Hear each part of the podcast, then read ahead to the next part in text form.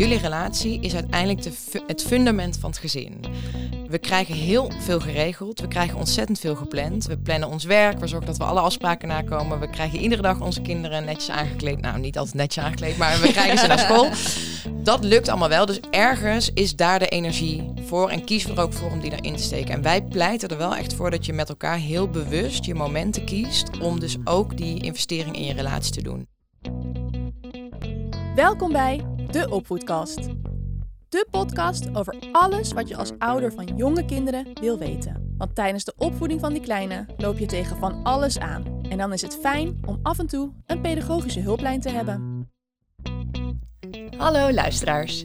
In deze aflevering bespreken we het behouden van een goede relatie na het krijgen van kinderen. We gaan in op kennis hierover en hoe je preventief kan inzetten op een kwalitatieve relatie met elkaar, ook als deze al goed is. En van hoe jullie met elkaar omgaan als partners leren kinderen heel veel. Dus hoe kun je ze hierin meenemen? Want ieder kind verdient het immers om binnen een zo goed mogelijke relatie op te groeien. Om dit te bespreken zit bureau Liefhebbers vandaag aan tafel. Maar er is nog iemand die ik aan jullie wil voorstellen. Allereerst heb ik vandaag Janine naast me zitten. Hoi. Hi Janine, leuk dat je er bent. Yes, vind ik ook. Laudie is met zwangerschapsverlof en Klopt. jij gaat haar eh, vervangen. Ja. Ja. En eh, ik mag dus ook de podcast overnemen, wat ik eh, heel leuk vind. Dus ik heb er heel veel zin in. Ja, jij wordt eh, de vaste pedagoog in de Ja. opvoedkast. Klopt. Ja. Heel leuk. Volgende keer hebben we weer een aflevering eh, met jou. Maar vandaag hebben we ook twee gasten aan tafel. Zeker Fleur en weten. Veronne van bureau Liefhebbers. En eh, dit zijn zusjes van elkaar, allebei moeder en misschien wel bovenal allebei partner. En dat laatste, daar gaan we het vandaag over hebben. Welkom allebei. Dankjewel. Leuk om er te zijn. Ja, heel leuk dat jullie hier zitten en dat we deze aflevering kunnen maken. Want hier hebben jullie inmiddels helemaal in gespecialiseerd. Ja. Kunnen jullie iets vertellen over eh, ja, waar jullie vandaan komen en waarom jullie dit zijn gaan doen en wat het dan precies is wat jullie doen met bureau Liefhebbers? Ja, heel graag. Nou, ik eh, ben Veronne, de oudste zus en eh, relatiecoach. En toen ik drie jaar geleden in verwachting was van Hazel, mijn eerste dochter, toen zat ik heel braaf met mijn partner bij een borstvoedingscursus. En toen begon de vrouw die die cursus gaf met de volgende woorden. Kijk allemaal even links van je, kijk allemaal even rechts van je. Volgens de statistieken is één van jullie over drie jaar niet meer samen. Nou, een vrij heftig Wat een binnenkomen. ja, lekker binnenkomen. Ehm, en ik weet nog dat wij, mijn partner en ik keken elkaar aan van oké, heftig, maar ook, nou dat zijn wij niet. Ja. Eh, en wij fietsen naar huis en toen zei hij tegen mij, ik denk eigenlijk dat iedere ouder daar zat met, nou dat zijn wij in ieder geval Dezelfde niet. gedachte. Ja.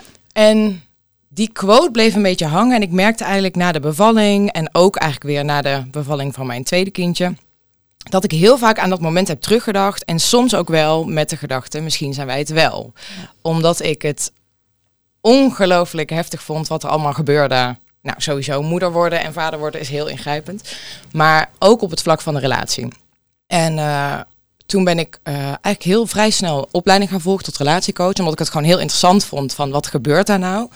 En tijdens die opleiding dacht ik, "Oh, dit zou iedereen moeten weten. En waarom is hier preventief niet veel meer kennis over en vaardigheden over? En eh, nou, toen heb ik daar heel veel gesprekken over gehad met Fleur. Ja, ik ben eh, Fleur, mama van Lola en eh, verliefd op mijn jeugdliefde. En ik ben inderdaad orthopedagoog, dus ik heb afgelopen 6,5 jaar in de jeugdzorg gewerkt. En ik was toen zelf nog geen moeder, maar ik heb toen in die jaren zoveel ouders gesproken die elkaar ergens waren kwijtgeraakt. En het fascineerde me altijd dat ik dacht, oké, je besluit samen om kinderen te nemen, maar niet met de wetenschap, we zijn over een aantal jaar uit elkaar. Toen ik moeder werd, kon ik het iets beter begrijpen wat er dan gebeurt. Eh, maar wat me ook aan het denken had gezet, is dat ik dacht: oké, als overheid spenderen we eigenlijk heel veel aandacht en geld in, hè, eigenlijk wanneer het mis is gegaan, dus in die scheidingsprogramma's. En supergoed dat dat er is, want hè, dat geeft natuurlijk heel veel onrust voor kinderen en is heel verdrietig. Maar ik dacht, waarom zit er niks in dat preventieve stukje, waarin het wel nog goed gaat en waarin eigenlijk ook nog zoveel winst is te behalen? Ja.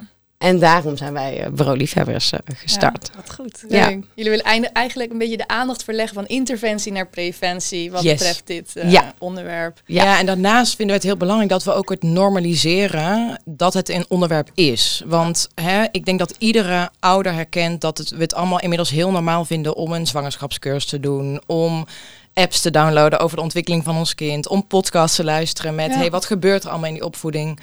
Terwijl wij vanuit de wetenschap en eigen ervaring weten dat een relatie essentieel is voor niet alleen je eigen geluk, maar ook het eh, geluk van je kind. De verwachting is dat alle kinderen die in 2021 geboren zijn, dat 50% van de ouders daarvan uit elkaar zal gaan. Ja, want in ons eh, gesprek naar aanloop van deze aflevering of de opname daarvan eh noemden jullie ook dat eigenlijk de wetenschap zegt dat het krijgen van kinderen binnen een relatie eigenlijk gewoon een relatiecrisis is. hè? Ja, ja. het staat echt Ja. gelijk aan een relatiecrisis. Dus het wordt.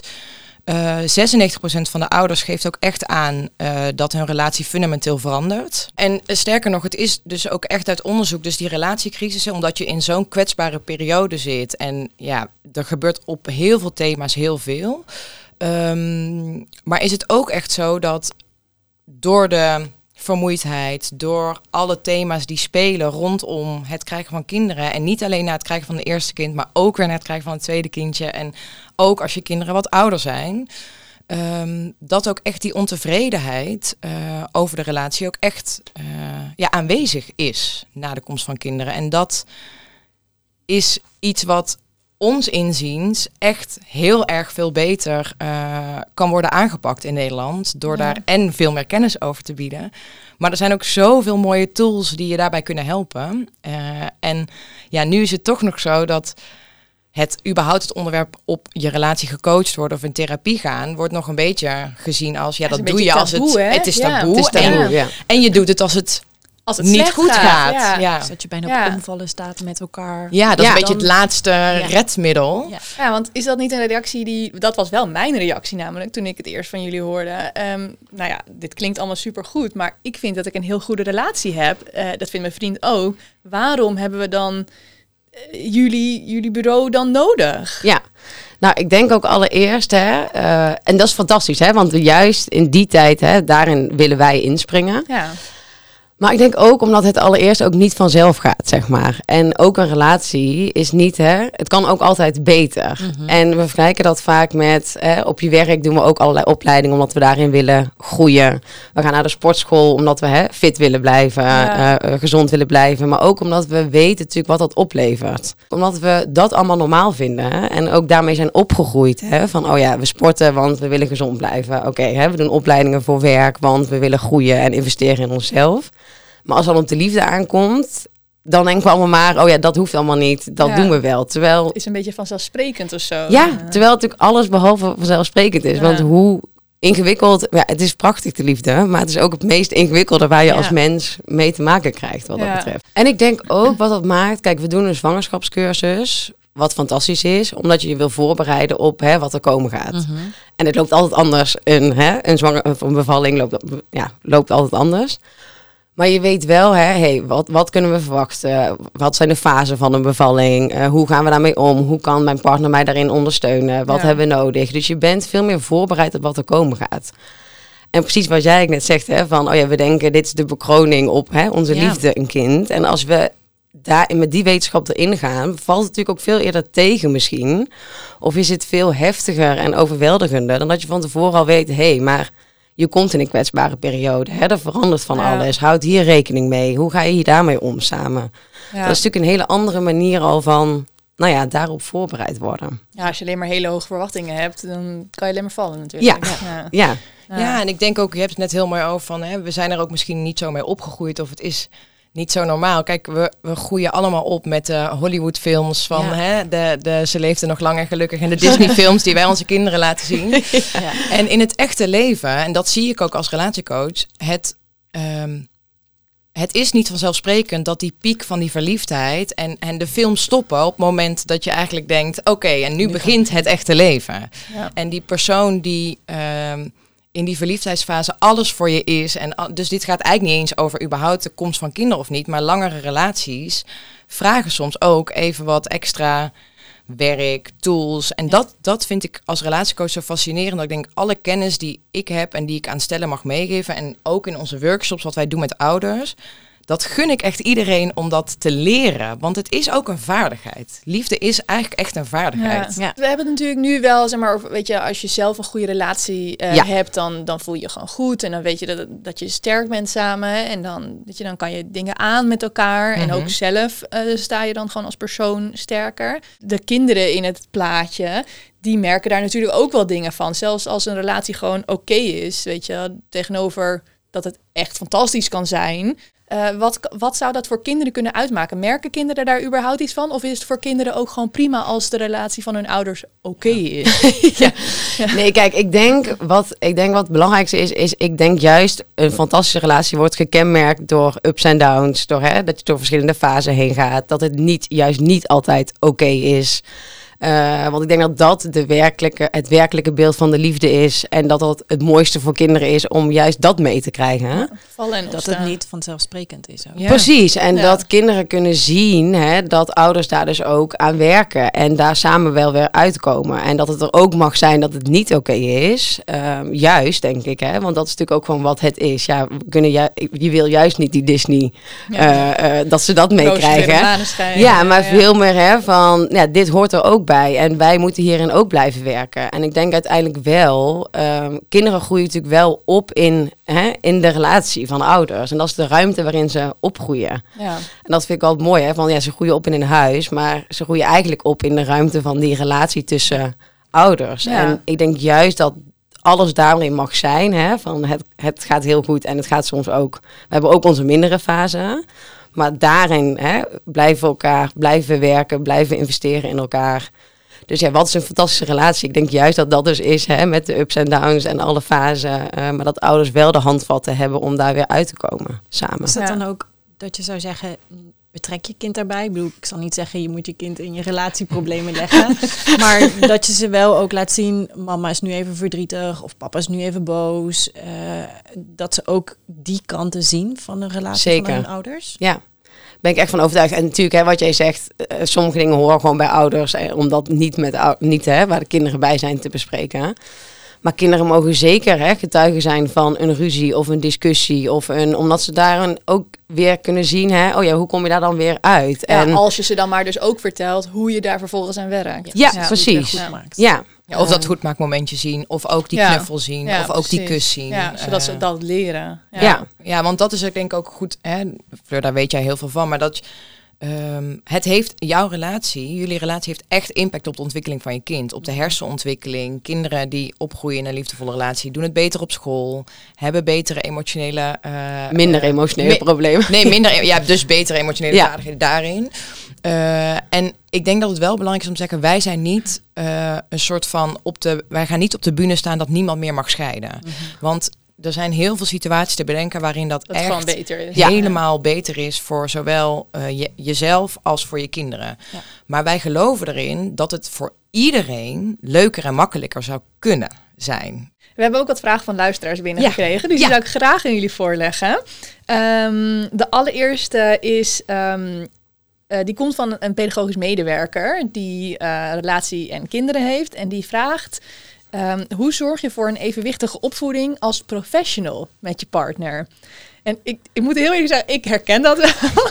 en wij, wij hebben nog geen kinderen, maar dat is wel iets waar ik een beetje nou, angstig voor ben, durf ik zelfs wel te zeggen. Dat ik vanuit mijn pedagogische kennis en zo heel veel ga, ga neerleggen, opleggen bij mijn vriend. Van je moet het zo doen, of dit is de beste manier. Uh, en zelfs als ik dat zou kunnen, of als ik dat kan onderbouwen, vindt hij dat niet leuk. Dus hoe zorg je voor een ja, voor een goede uh, dynamiek en opstelling daarin. Ja, nee, ik herken het zeker ook. Ja, ik ben natuurlijk ook pedagoog en uh, sinds een jaar zitten we natuurlijk midden in, de, in, in het ouderschap.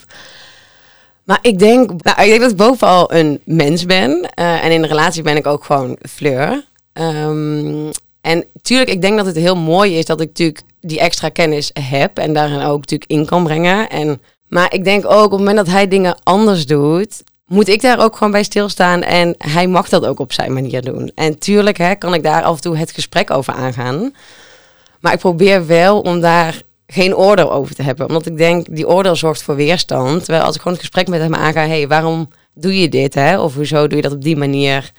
Ik kan ook heel veel leren van hem, zeg maar. Het is niet dat ik alles weet en alles. En ik maak net zo goed, net zoveel fouten in de hele opvoeding. En dus ik denk dat je juist heel erg ook hè, moet stilstaan bij... we zijn überhaupt allebei mens. Ehm, en die verschillen zijn juist ook heel mooi, ook voor een kind. Ja, het hoeft niet allemaal op dezelfde manier en dezelfde Nou ja, als je lijn op de grote delen maar op één lijn zit, Precies. dan kunnen de, de details kunnen wel afwijken van Ja. weet je, tussen papa en mama. Ja. maar. Maar ik denk wel af en toe even heel bewust zijn dat ik ook wel eens af en toe stappen terug moet doen. Oké, ik ben nu de pedagoog aan het uithangen. Ik ga weer heel even terug naar. Oké, ik ben gewoon Fleur.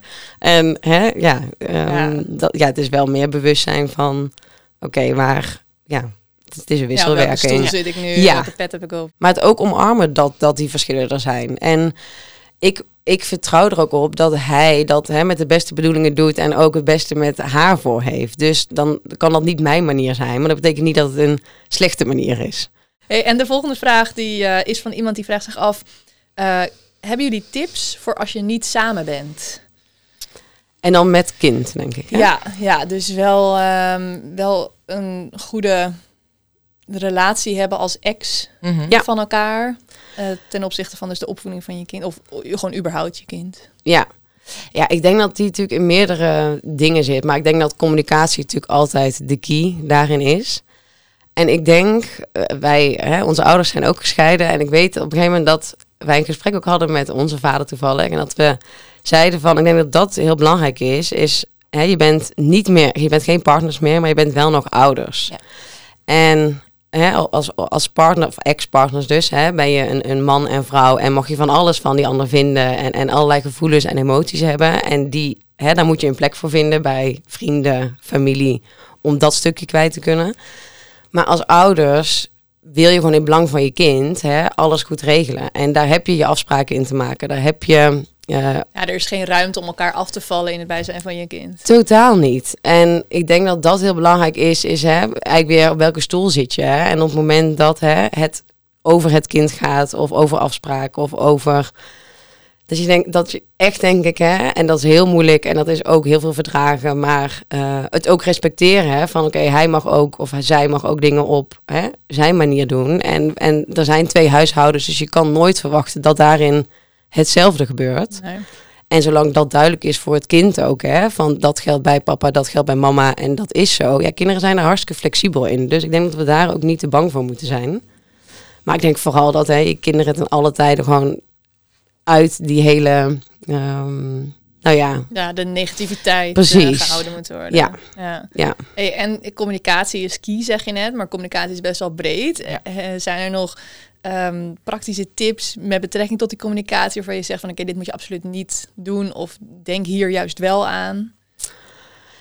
Ja, kijk, ik denk met name dat je natuurlijk, ehm, nou ja, de verdeling, co-ouderschap, dat zijn natuurlijk gewoon de algemenere afspraken, hè, dat dat goed geregeld is.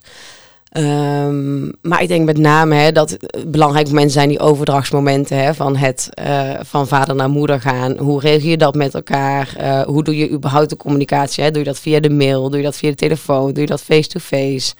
Eh, dat je daar allemaal heel scherp op moet zijn. Hè? Van hoe, hoe doen we dat samen als ouders? En we zijn dan geen partners meer, maar we zijn wel nog ouders. Dus eigenlijk eh, misschien niet gewoon zijn beloop laten, maar eigenlijk gewoon hele concrete afspraken Ja. maken met elkaar over hoe je dat Ja. wil gaan doen. Ja. Nou, en daarin denk ik ook ruimte maken om daarin je behoefte uit te spreken en uit te leggen waarom heb ik die behoefte. Dus als jij het heel belangrijk vindt om eh, iets te doen in dat overdrachtsmoment, leg aan je partner ook uit waarom je dat belangrijk vindt. Wat maakt dat het voor jou prettig werkt. Eh, probeer dat ook vanuit die positiviteit. Hè. Dus, dus wat levert het ons op als we dat op die manier doen? Nou, we hadden nog een luisteraarsvraag. Eh, ik denk dat deze ook heel herkenbaar is voor veel mensen. Ehm, deze luisteraar die zegt... Wij hebben één baby en één peuter... en zijn s'avonds helemaal gesloopt. Hoe krijgen we weer energie van, voor elkaar? Yes. Ja, dit is natuurlijk een hele veel gehoorde struggle. Hè.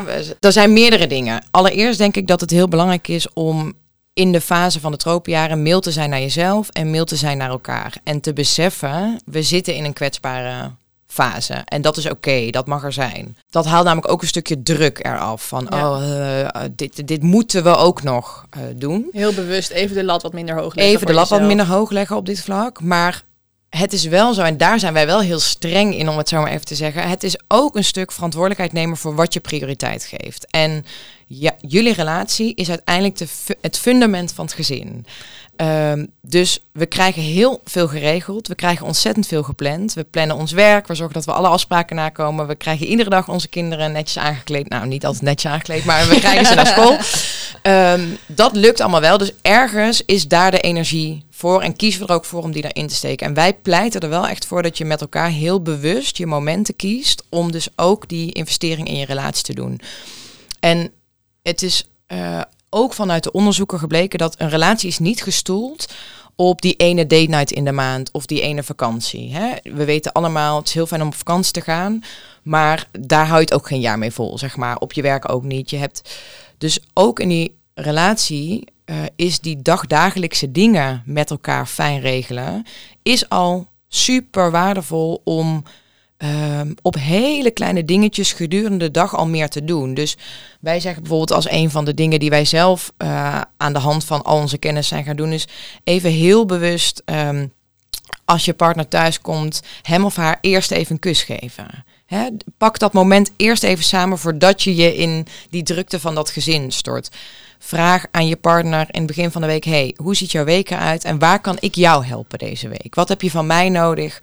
Want dat is ook intimiteit en, en even met elkaar in verbinding zijn. Wij ervaren heel vaak dat mensen denken het moet in grootse gebaren en het, het moet heel veel energie kosten en het moet nee, het zijn juist die hele kleine dingetjes waarvoor je weer even kan denken, oh weet je, ga één avond plof niet op de bank, maar uh, doe een spelletje met elkaar. Ja.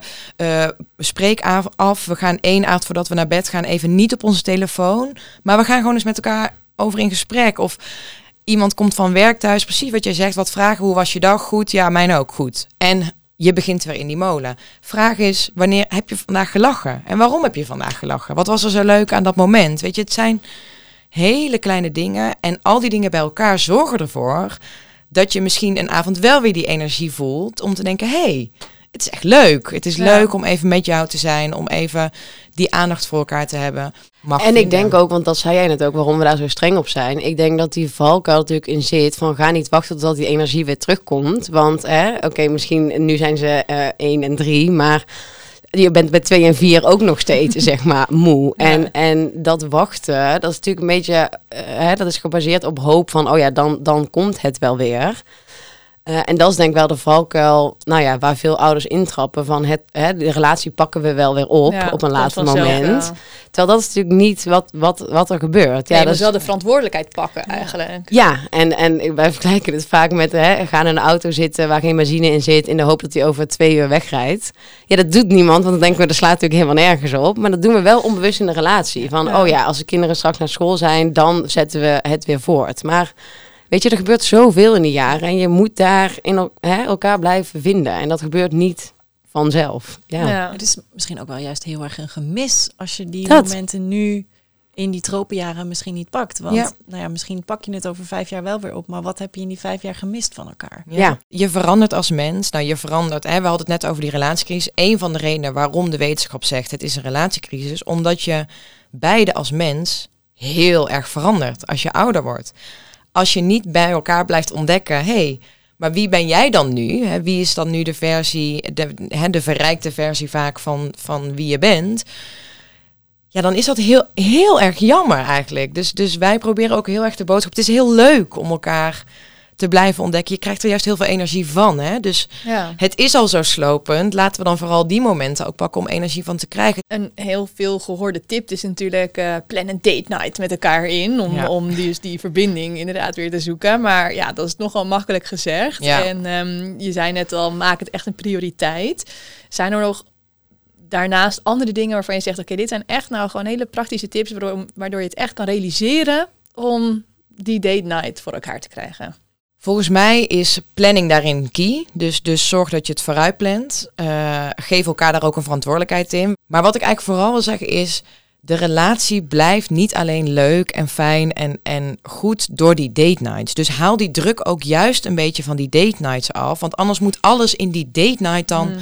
Leuk zijn Alsof en gebeuren. Je dan een beetje en aan en uit gaat staan. Ja, ja. ja. Dus, dus mijn tip is vooral plan zeker die date nights. Probeer dat lekker met elkaar te doen. Maar maak het nog veel kleiner. Dus hoe kunnen wij juist in die week, gewoon dat wij dat gezin aan het draaien zijn, die momentjes, al is het letterlijk een aantal minuten per dag, even met elkaar zijn. we hebben laatst een, een, een berichtenwereld in van, van geef elkaar nou eens in plaats van een kus, zes seconden een kus. Het gaat echt om misschien dus vijf seconden extra. Het doet gigantisch veel. Want je bent echt bewust elkaar een kus aan het geven. Jullie hebben een heleboel mooie voorbeelden genoemd. Wat zijn nou echt de drie meest belangrijke tips in jullie ogen die de luisteraars mee naar huis moeten nemen om hun relatie te versterken?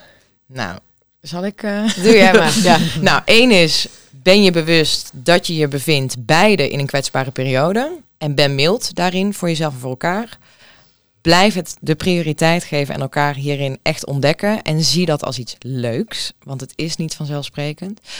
En het derde is, zoek juist naar die kleine dagdagelijkse ritueeltjes die je met elkaar kan vormgeven. Wat echt uniek is voor jullie uh, uh, om in die verbinding te blijven. Ja, en ik denk toch, ik wil er een vierde aan toevoegen van ben ook echt niet bang. ja, ben ook niet bang om hier af en toe dus hulp in te vragen. En echt, je hoeft niet meteen een workshop bij ons te doen. Vinden we heel leuk. Maar probeer dat ook te doen in je netwerk, in, in, bij je vriendinnen. En laat het gesprek alsjeblieft niet stoppen als mensen daar misschien een beetje ongemakkelijk van worden. Maar ja, vraag ook door, vraag daar hulp in. Uh, durf daar kwetsbaar in te zijn. Want dat is, ja... ja. En iedereen herkent het. Iedereen herkent het, ja. Heel erg bedankt, dames, dat jullie erbij waren. Jullie Ik vond het uh, heel interessant en, um, en leuk om te horen allemaal. Uh, mochten onze luisteraars nou interesse hebben in een workshop van jullie, dan kunnen ze even um, op jullie website, Bureau Liefhebbers, uh, gaan kijken. Ja. En dan helpen jullie ze vast heel graag verder. Heel graag. Ja. Nogmaals, dankjewel. En ja. luisteraars, tot de volgende keer.